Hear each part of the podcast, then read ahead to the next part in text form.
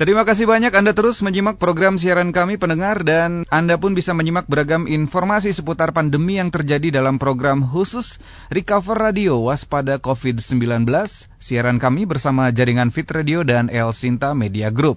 Tidak pernah bosan, kami juga selalu mengingatkan untuk sama-sama terus berupaya memutus penyebaran COVID-19 dengan tidak kendor, menerapkan protokol kesehatan, menghindari kerumunan, mengurangi mobilitas dan tentunya dengan menjaga imunitas tubuh di tengah program vaksinasi dari pemerintah yang tengah berjalan saat ini. Semoga segala agenda pekerjaan ataupun juga aktivitas kita sehari-hari senantiasa diberikan kemudahan dan kelancaran serta selalu dijauhkan dari gangguan kesehatan. Amin ya robbal alamin.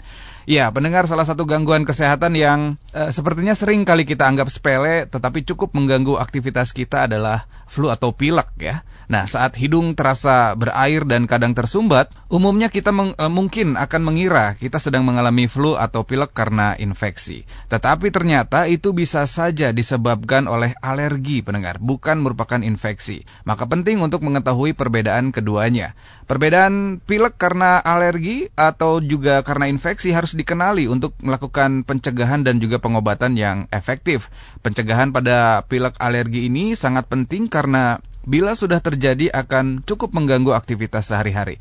Nah, bagaimana caranya tentunya agar aktivitas Anda tidak terganggu untuk membahasnya lebih lengkap kita akan temui langsung Dr. Dr. Melati Sudiro SPTHTKLK, MKes dari KSM THTKL Divisi Alergi Imunologi FK Unpad RSUP Dr. Hasan Sadikin Bandung. Assalamualaikum warahmatullahi wabarakatuh, Kang Tio. Waalaikumsalam warahmatullahi wabarakatuh. Sehat dokter, apa kabar? Alhamdulillah sehat. Alhamdulillah. Dok sudah bertugas dok ya hari ini? Iya, selalu bertugas. Selalu bertugas. Nah, kita jadi penasaran nih dok, di tengah padatnya agenda, terus juga perjuangan dari dokter bersama rekan-rekan sejawat melawan pandemi COVID-19 ini dok. Punya tips atau cara mungkin biar dokter juga sebagai manusia biasa mungkin pernah merasa penat, jenuh, capek gitu. Dan untuk mengembalikan itu biasanya dokter melakukan apa dok? Yang paling sering hmm. adalah mensyukuri bahwa kita sampai hari ini masih uh, selalu sehat ya. Hmm. Itu yang penting mensyukur pada Allah bahwa kita selalu sehat dan selalu happy mungkin. Ya. Jangan lupa bahagia kan. begitu ya, Betul. Karena bahagia itu meningkatkan imunitas. Mm -hmm. Selain ya mungkin mm -hmm. kita suplemen-suplemen ya, mm -hmm. tapi yang penting bahagia dan bersyukur. Alhamdulillah. Dokter suka dengar musik, Dok? Suka. Jenis musik apa dokter yang biasanya di uh, dinikmati gitu? Oh, saya senang yang easy listening. Easy listening ya. Iya. Ada artis favorit di Indonesia dokter? Hmm, apa ya? Enggak sih, enggak terlalu punya favorit banget.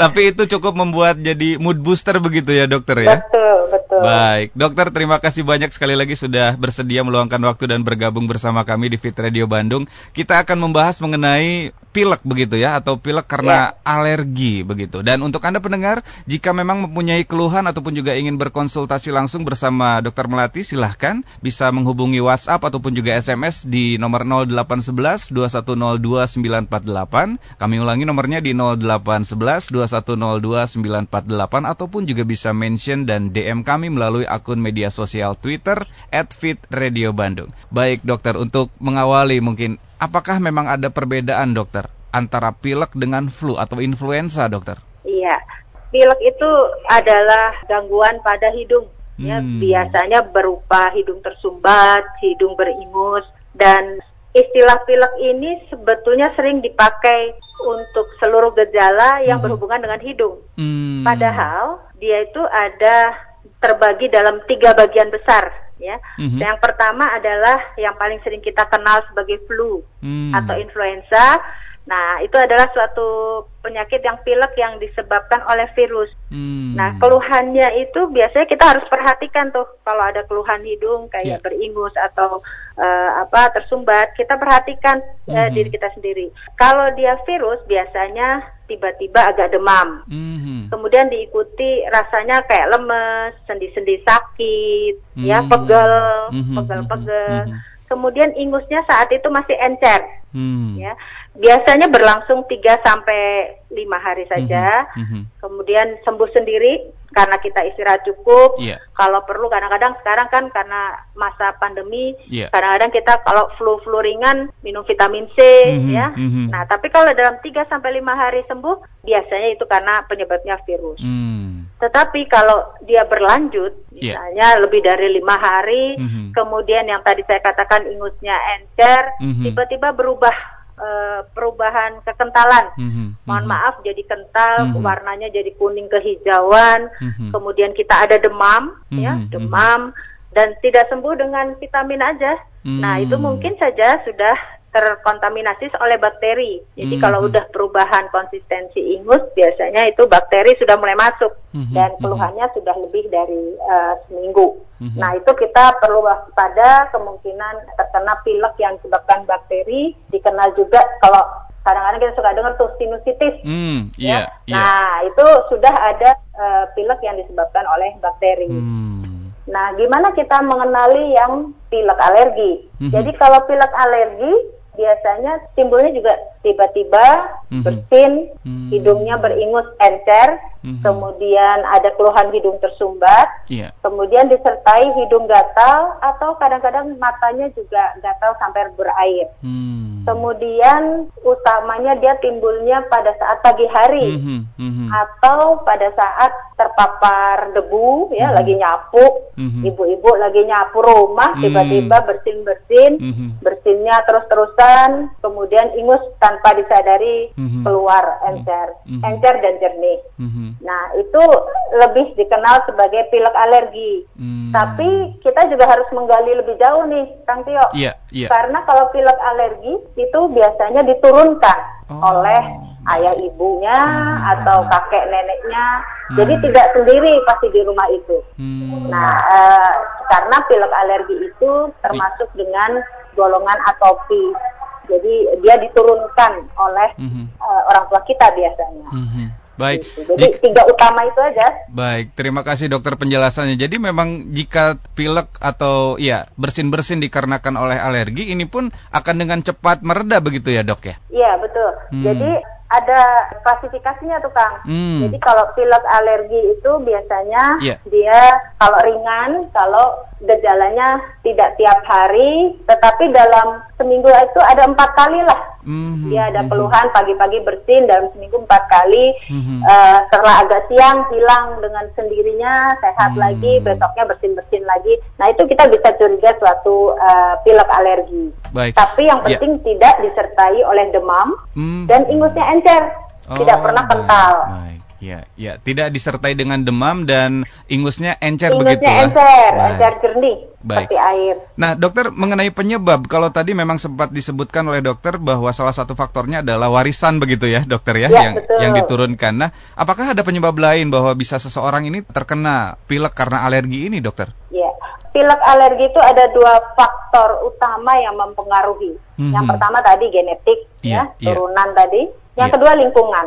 Hmm. Jadi kalau genetik di sini anggota keluarga yang terdekat, Mhm. ya dalam satu ta, apa garis lurus, Mhm, baik mhm. orang tua atau kakek nenek, saudara kandung, Iya. itu ada yang punya keluhan yang sama minimal. Hmm. Atau bisa juga berupa keluhannya eh, asma Hmm. atau dia ada keluhan kulit seperti kaligata atau Hmm. misalnya eksim yang hilang timbul. Mhm, Nah, mhm, itu mhm. yang kita kenal sebagai riwayat atropi atau Hmm. riwayat alergi yang diturunkan. Mhm, Jadi mhm. nggak selalu kalau diri kita bentuk manifestasinya pilek alergi, Iya. ayah kita atau ibu kita ternyata asma. Hmm. Tapi itulah disebut yang faktor yang menurunkan. Mhm, mhm. Nah, kemudian lingkungan. lingkungan, iya. Ya, saat ini lingkungan kan polutan ya Mhm, cukup mhm. tinggi.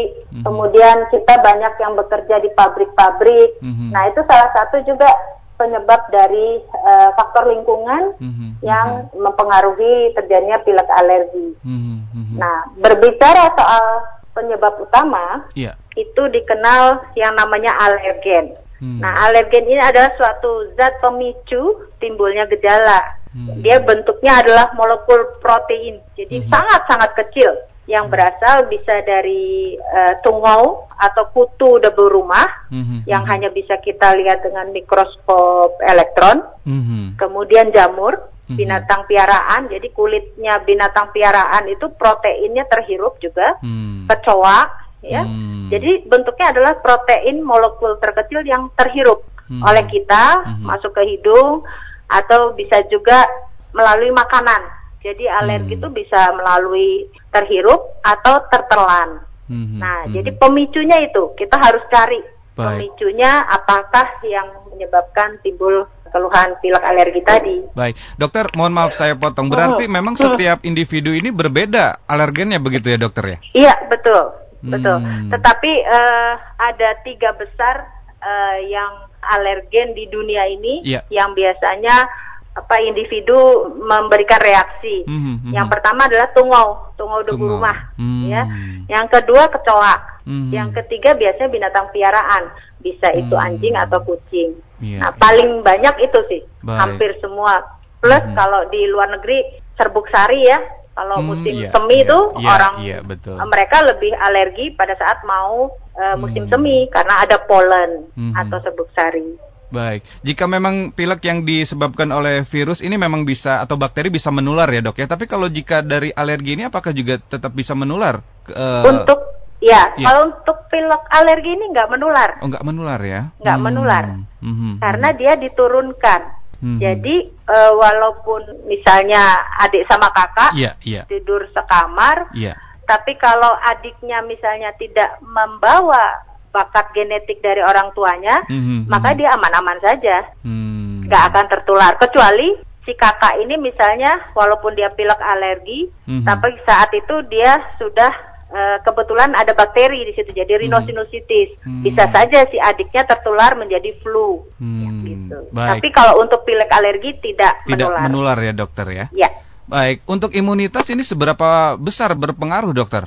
imunitas sangat-sangat berpengaruh hmm. sehingga pada pilek alergi itu yeah. selain uh, apa yang dilakukan pengobatan ya iya. pengobatan yeah. rutin yeah. itu olahraga sangat-sangat membantu hmm. jadi uh, hidup sehat hmm. ya. Uh, tidur cukup olahraganya teratur itu sangat membantu untuk imunitasnya naik sehingga gejalanya juga tidak berat. Hmm, hmm, hmm, baik, menarik pendengar untuk anda yang mempunyai keluhan sekali lagi ataupun juga yang ingin berkonsultasi langsung bersama dokter silahkan melalui WhatsApp ataupun juga SMS nomornya di 0811 2102 948 kami ulangi nomornya di 0811 2102 948 ataupun juga bisa mention dan DM kami melalui akun media sosial Twitter @fitradio_bandung. Baik dokter, kita berlanjut dok. Ya. Apakah bisa kita kenali? Memang pilek ini menjadi salah satu gangguan kesehatan yang begitu memasyarakat ya dok ya. Betul, betul. Hampir setiap orang juga pernah begitu. Iya. Tapi apakah ada tanda dan gejala khusus begitu kalau seseorang ini akan terkena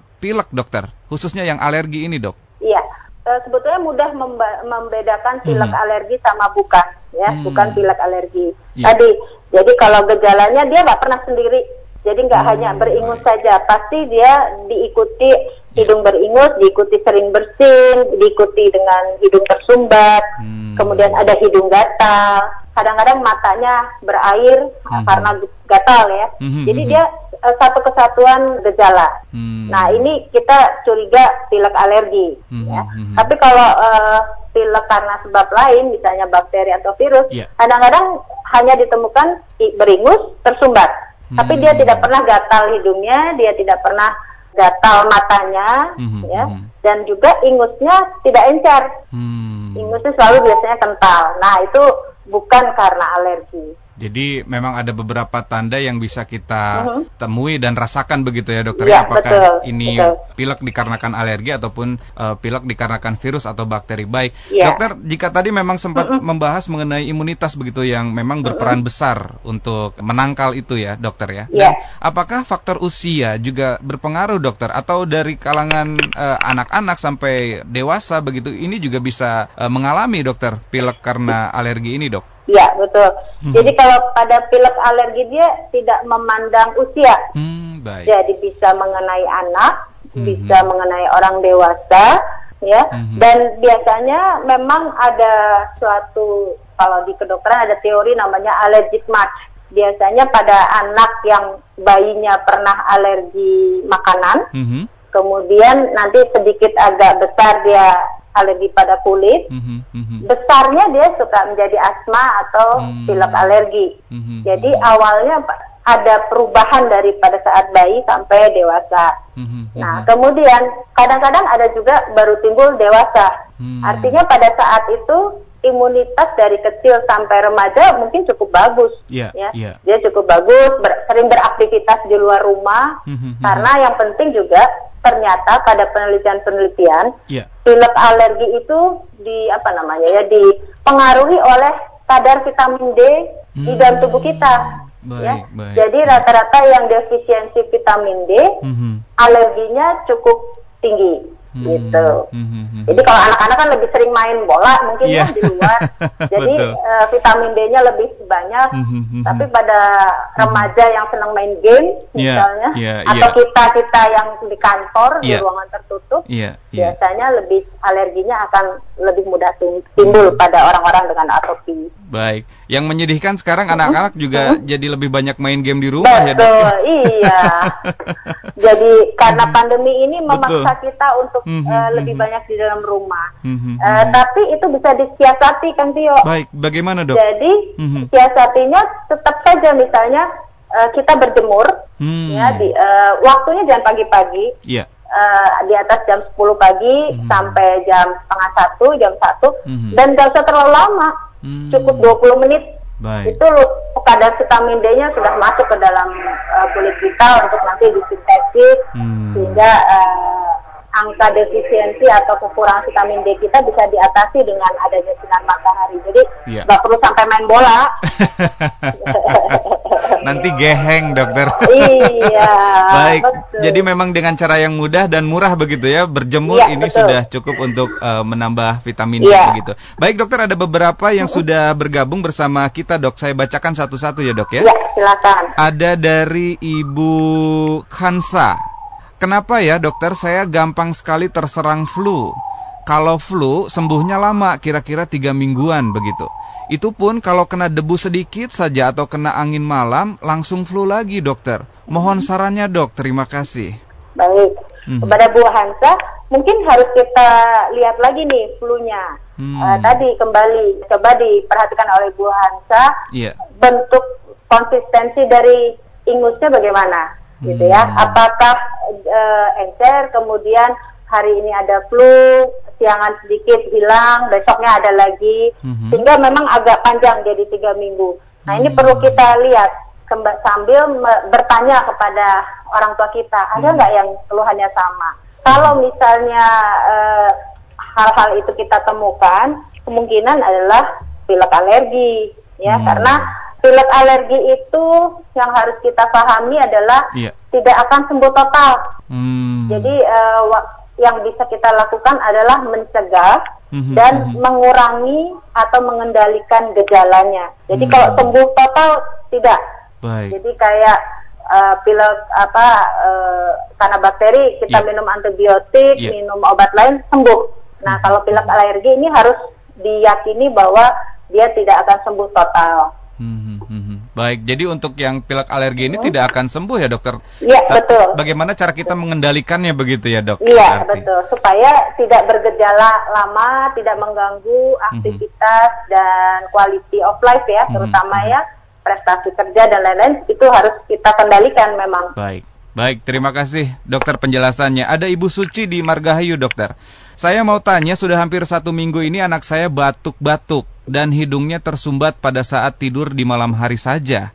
Apakah karena udara di kamar terlalu kering karena saya pakai AC atau ada indikasi lain dokter? Anak saya umurnya lima tahun. Terima kasih. Ya, terima kasih Ibu Suci. Ya. Mungkin juga ini sama ya, jadi kita perlu uh, lihat lagi nih. Ya. Karena hmm.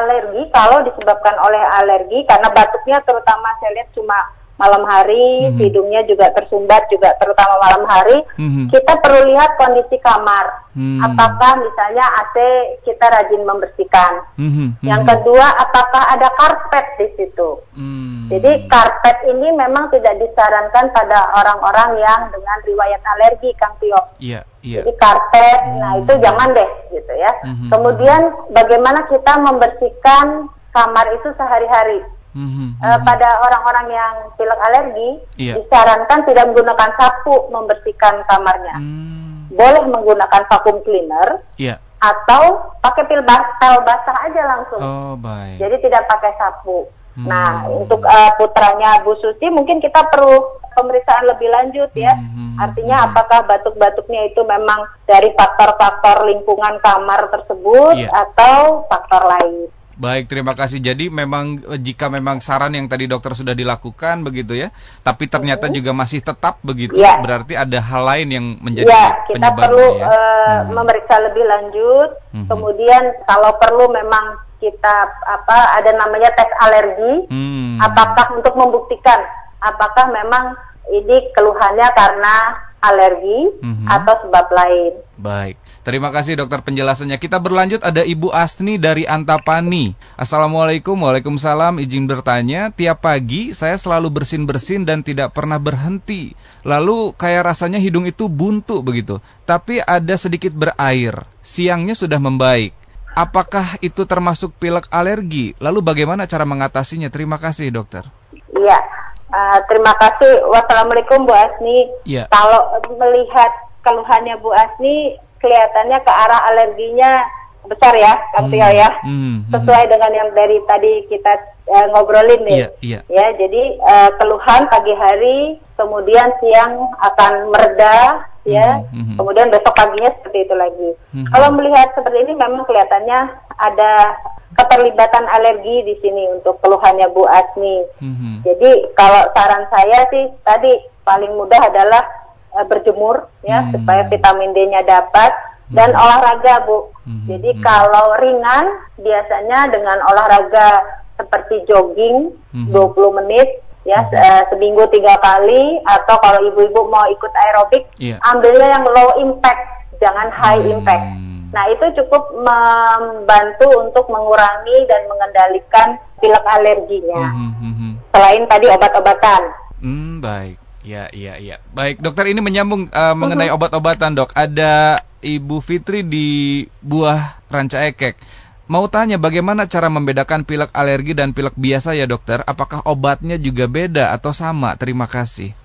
Terima kasih nih pertanyaannya. Hmm. Kalau uh, gejala tadi udah sudah saya sampaikan yeah, yeah. perbedaannya kalau alergi ingusnya biasanya encer, jernih seperti air, ya. Hmm. Uh, kemudian diikuti oleh bersin dan hidung tersumbat, mata gatal. Hmm. hmm, hmm Tapi kalau yang bukan alergi biasanya ingusnya tadi kental, ya. Hmm. Nah obat udah pasti berbeda. Pada pilek alergi itu kita berikan yang namanya obat anti alergi hmm. atau antihistamin yang diminumnya rutin. Ya, hmm. jadi uh, untuk mengendalikannya kita minum uh, obatnya secara rutin sesuai yang diberikan oleh dokternya, hmm. dokter THT atau dokter anak ya. Yeah, yeah. Uh, apa secara rutin walaupun gejalanya sudah hilang. Tapi hmm. kalau yang bukan karena alergi, misalnya karena bakteri, hmm. uh, seorang dokter biasanya memberikan antibiotik, hmm. ya, di samping obat-obat lain. Hmm. Tapi kalau pada alergi tidak diberikan antibiotik. Baik, terima kasih dokter. Masih ada beberapa dokter, kita bacakan lagi ya dok ya. Ada Bapak Tata dari Tubagus Ismail. Mau tanya ketika anak pilek, kenapa suka terasa nyeri pada wajahnya ya dok? Terima kasih. Ya, uh, karena kalau ini Pak Tata. Jadi kalau biasanya pada nggak hanya anak-anak ya, dewasa hmm. juga sama. Kalau pilek yang berlangsung lama, terutama pada sinusitis tadi, ya, hmm. jadi ingusnya kental, kemudian ada peradangan di area hidung dan hmm. sekitarnya, hmm. termasuk uh, rongga-rongga sinus. Hmm, hmm, hmm. Biasanya memang wajah akan terasa lebih sakit, hmm. atau kadang-kadang kalau kita misalnya sholat yang bagi yang muslim, pada saat kita sujud uh, wajah dan kepala itu akan terasa berat. Nah itu sebetulnya karena ada suatu reaksi peradangan di situ, mm-hmm. selain di hidung juga di sinus-sinus, di rongga-rongga sinus. Hmm, baik, Seperti jadi itu. memang ada peradangan di, di area situ ya, ya dokter ya? Iya, terutama pada, jadi ini bukan yang alergi ya, jadi ini oh, biasanya oh, karena bakteri yang baik. sinusitis tadi. Iya, iya, yang disebabkan oleh bakteri dokter. Betul, Baik, betul. terima kasih dokter saya dengan Bapak Diki di ujung Berung. Ada Bapak Diki di ujung Berung, dokter. Saya mau tanya ya. bagaimana untuk penanganan pilek alergi ini? Terima kasih. Baik, mm-hmm. uh, penanganan pilek alergi yang pertama kita uh, harus apa namanya harus tegakkan dulu nih. Tadi misalnya dengan yeah. ada tes alergi dan lain-lain. Kalau sudah uh, ditegakkan sebagai pilek alergi, maka yang pertama adalah kita bereskan kamar kita, ya, hmm. membersihkan rumah kita supaya kita terhindar dari pemicu alerginya. Hmm. Jadi intinya kita harus bisa menjauhi pemicu alerginya. Hmm. Nah, hmm. masalahnya kalau membersihkan rumah, debu itu kan ada di mana-mana ya. Iya, iya, betul. Ya, baik betul. di luar atau apalagi di dalam rumah. Iya. Jadi bagi uh, bapak atau ibu yang punya alergi debu, maka itu penting sekali untuk menjaga kebersihan rumahnya, hmm. termasuk tadi penggunaan karpet tidak disarankan hmm. kemudian kebersihan AC, kipas angin. Nah, hmm. itu yeah. itu harus dibersihkan uh, dengan rutin. Nah, kalau misalnya lokasi rumahnya dekat pepohonan, mm-hmm. mungkin setelah dibersihkan kita harus tut- rajin juga tutup jendela kamarnya. Mm-hmm. Takutnya ada serbuk sari juga yang masuk terhirup oleh kita masuk ke dalam kamar. Mm-hmm. Nah, kalau misalnya keluhannya cukup berat, kita yeah. harus tetap membersihkan rumah. Pada saat membersihkan rumah bisa menggunakan masker, ya. Mm-hmm hmm. yang gunanya untuk meminimalkan hmm. paparan pemicu alergi tadi. Hmm. Ya, Kemudian betul. pilihan terakhir baru obat-obatan. Baik, pencegahan memang jauh lebih baik ya dok ya? Iya betul betul. Karena kasih. tidak pakai kimia ya. Tidak pakai kimia. Iya. Baik. Ada Bapak Riko di Buah Batu dokter mau bertanya apabila pilek karena alergi ini sering kambuh, bagaimana efek konsumsi obat dalam jangka panjang? Ya, kalau pada pilek alergi, hmm. memang tadi saya sampaikan yeah. penggunaan obat anti alergi atau obat anti histamin ya, yeah. itu memang diminum rutin setiap malam. Jadi hmm. bukan pagi hari tetapi malam. Hmm. Um, ada yang namanya generiknya itu ada cetirizine, loratadine gitu ya.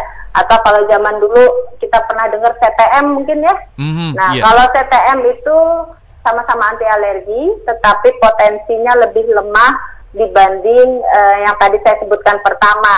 Hmm. Karena antihistamin cetirizine atau loratadine itu adalah generasi kedua. Dia tidak memberikan efek kantuk hmm. ya, tetapi mempunyai potensi anti alergi yang cukup besar. Hmm. Sehingga uh, penggunaannya dibuat rutin, tidak hmm. tidak akan masalah asal diminum rutin, uh, kemudian dibantu oleh tadi olahraga dan lain-lain. Mm -hmm. Nah, kemudian bisa juga kita gunakan obat semprot hidung. Mm -hmm. Semprot hidungnya itu adalah mm -hmm. bekerjanya hanya di hidung situ, jadi lokal.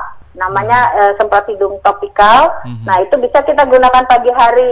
Jadi kalau obat-obat yang diberikan secara topikal, jadi hanya pada lokasi tertentu yaitu misalnya hidung, yeah. dia tidak akan berdampak bila dipakai dalam waktu jangka panjang. Hmm. Jadi aman untuk ginjalnya, hmm. aman untuk livernya. Karena kalau diminum kan yeah. Ya. uh, dia akan masuk ke mana-mana. Tapi kalau topikal bentuk obat semprot itu dia bekerja hanya di hidung, maka uh, dampak terhadap organ kita ginjal dan liver mm -hmm. itu tidak terjadi. Mm -hmm. Nah itu yang bisa, Baik. bisa saya sarankan nih untuk Baik. Pak Riko. Baik terima kasih. Uh, ada Bapak Yanto di Rasa Mala dokter. Pilek ya. alergi biasanya genetik yang tadi sempat disampaikan mungkin ya dok ya. Apa ya. pilek alergi ini berbahaya atau hanya respon tubuh dan tidak berbahaya dokter? Terima kasih. Ya terima kasih nih Pak Yanto rupanya mendengarkan ya. Iya. Jadi ya. Uh, betul. Jadi kalau genetik itu apa tadi mematikan. Berbahaya begitu. Berbahaya mm -hmm, ya. Mm -hmm. Tidak berbahaya gitu ya. Jadi hmm. kalau pilek alergi ini tidak berbahaya, hmm. tetapi kerugiannya adalah menurunkan kualitas hidup. Hmm. Karena dia akan terjadi terus menerus kan, akan terjadi terus. Begitu hmm. daya tahan tubuh kita sedikit turun, hmm. maka akan timbullah gejala. Biasanya hmm. pada anak-anak atau mahasiswa hmm. pada saat musim ujian yeah, kurang yeah. tidur, oh. biasanya yang pilek alerginya akan muncul. Baik. Nah itu akan mengganggu tuh kualitas uh, apa hidup, hidup ya, ya, termasuk konsentrasi sekolah, ujian hmm. dan lain-lain. Sehingga memang tidak berbahaya tetapi harus kita kendalikan. Baik, maksud dokter untuk menurunkan kualitas hidup ini adalah mengganggu aktivitas keseharian begitu ya dok ya? Iya, iya. Jadi kan konsen hmm. karena dia uh, tidur malam mampet, hmm, hmm, hmm, ya. Hmm, hmm, hmm. Kemudian pagi-paginya akan terjadi adalah ngantuk. Hmm. ya sehingga konsentrasi bekerja atau belajar itu pasti terganggu. Baik. Artinya kan kualitas hidup kita jadi kurang baik ya. Hmm, hmm, hmm.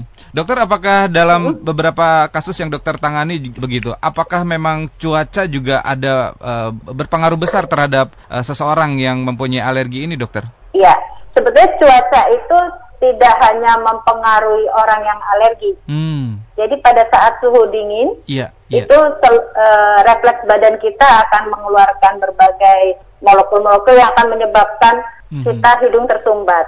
Hmm. Tetapi pada orang yang alergi, yeah. keluhannya akan lebih berat, hmm. sehingga yang ter ternotis atau teringat oleh pasien atau yang orang alergi selalu hmm. mengatakan bahwa hidungnya tersumbat terutama pagi hari saat dingin. Hmm. Hmm. Padahal kita kita yang nggak alergi sebetulnya juga uh, terjadi fenomena hmm. itu, tetapi tidak seberat yang alergi. alergi ya dokter. Iya. Hmm, baik, berarti memang yang tadi sempat dokter sampaikan juga mengganggu aktivitas begitu ya. Nah, iya, lantas, se lantas seperti apa caranya agar aktivitas kita begitu kita kembalikan lagi ke tema kita bahasan hari -huh. ini dokter. -huh. Bagaimana caranya agar aktivitas kita ini tidak terganggu oleh iya, uh, alergi betul. atau pilek ini dokter? Ya.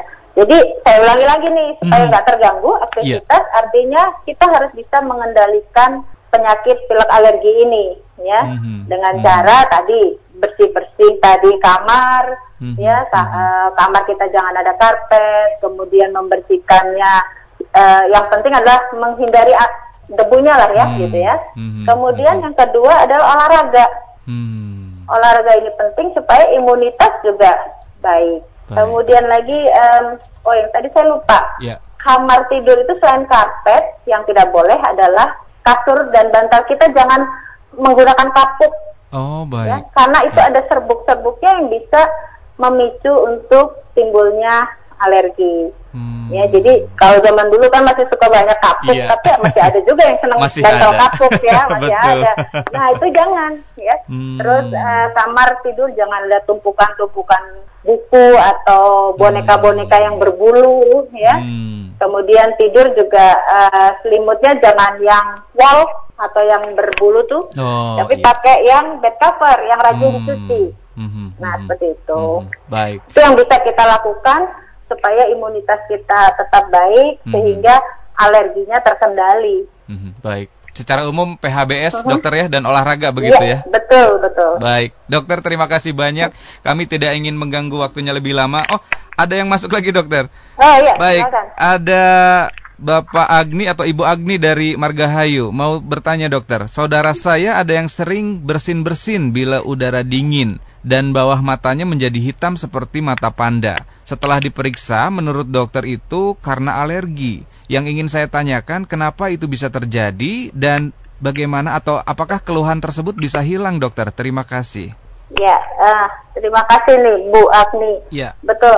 Jadi uh, pada orang alergi itu terjadi uh, pembuluh darahnya juga membuka dan menut, apa menyempitnya terjadi berulang-ulang. Hmm. Nah, biasanya memang pada orang-orang alergi yeah. itu ada lingkaran hitam di bawah mata. Oh, ya. baik. Jadi selalu biasanya kalau orang-orang alergi itu kelihatan ada uh, apa garis hitam lah di bawah mm -hmm. uh, kelopak mata bawah ya. Mm -hmm. Kemudian selain tadi keluhan hidung, kadang-kadang mm -hmm. uh, kadang -kadang juga ada garis di hidungnya Kang Tio karena mm -hmm. biasanya itu biasanya pada anak-anak terutama terlihat yeah. karena dia sering menggosok hidungnya yeah. karena gatal mm-hmm. lama-lama terbentuklah si garis itu oh. jadi itu wajah khasnya uh, orang alergi baik terima kasih memang itu bisa menjadi tanda begitu ya dokter ya iya iya betul baik dan apakah bisa hilang be- begitu keluhannya dokter uh, tadi kita harus uh, kendalikan dengan cara hmm. tadi uh, hmm. apa menghindari pemicunya. Hmm. Yang kedua mungkin kalau udah sampai hitam berarti gejalanya mungkin uh, agak berat ya. Jadi hmm. artinya sering kambuhnya lumayan nih. Nah, hmm. dia mungkin perlu konsultasi ke Baik. dokter hmm. untuk mendapat uh, pengobatan. Hmm. Baik, terima kasih. Dokter satu lagi ya. Hmm. Ini boleh, boleh, Ada Ibu Hilda dari Bancai, dokter. Mau tanya, kalau anak-anak sering pilek pagi-pagi, apakah nanti sudah besarnya bisa sembuh nggak dok? Terima kasih. Ya, tadi yeah. dasarnya lagi hmm. uh, apa penyakit alergi hmm. tidak bisa sembuh total. Hmm. Ya, kadang-kadang kalau uh, kecilnya pilek alergi kemudian tidak diatasi dengan baik, tidak terkontrol dengan baik, hmm. uh, bisa uh, menyebabkan terjadi asma pada usia lebih besar. Hmm. Sehingga memang perlu perlu penanganan yang serius nih. Hmm. Kalau dari uh, kecilnya udah sering pilek alergi, yeah. maka perlu penanganan supaya tidak berkembang menjadi penyakit alergi yang lain seperti hmm. asma. Hmm. Baik. Berarti jika demikian alergi itu tidak akan bisa sembuh total begitu ya dokter ya? Betul, yang... ya. Itu yang harus dipahami hmm. tuh. Kadang-kadang hmm. orang tua berpikir pada saat membawa anaknya, ah, anak saya harus sembuh gitu. Hmm. Nah, ini yang harus dipahami bahwa pilek alergi itu tidak akan sembuh total. Hmm. Kita hanya bisa mengendalikan.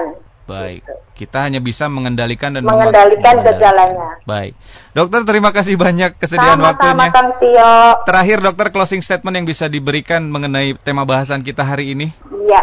Jadi uh, pilek alergi adalah mm -hmm. pilek yang dengan gejala khas mm-hmm. ya itu hidungnya beringus mm-hmm. encer jadi mm-hmm. harus encer mm-hmm. disertai bersin hidup gatal yeah. yang dapat disertai dengan mata gatal dan berair mm-hmm. riwayat keluarga itu juga mempunyai uh, peran penting mm-hmm. ya jadi kita perlu tahu peran apa riwayat keluarga mm-hmm. apakah ada asma atau kaligata mm-hmm. atau pilek alergi juga mm-hmm. nah kemudian penyakit ini tadi sudah saya sampaikan tidak bisa sembuh total, tapi hmm. kendalikan gejalanya dengan berbagai cara tadi mm -hmm. hidup sehat, kemudian bersih rajin bersih bersih, mm -hmm. ya, mm -hmm. atau penggunaan obat-obatan. Mm -hmm. Nah itu yang uh, perlu perlu kita ingat terus ya supaya kita selalu sehat.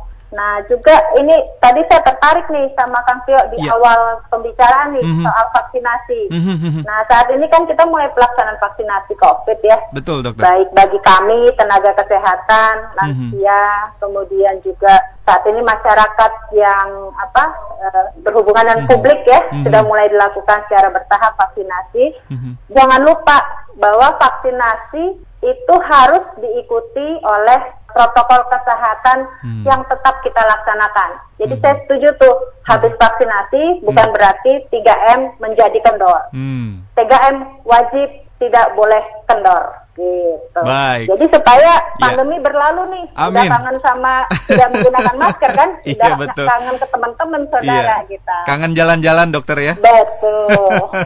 Terima kasih sekali lagi hatur nuhun dokter sudah bisa bergabung kami, bersama kami. Semoga tidak pernah bosan untuk bisa mengedukasi kembali di lain waktu bersama kami ya dok ya. Insya Allah enggak. Amin. Sehat, sehat, sehat selalu dokter dan selamat beraktivitas. Terima kasih. Demikian pendengar perbincangan kami bersama Dr. Dr. Melati Sudiro, SPTHTKLK, MKes dari KSM THTKL Divisi Alergi Imunologi FK Unpad, RSUP Dr. Hasan Sadikin Bandung.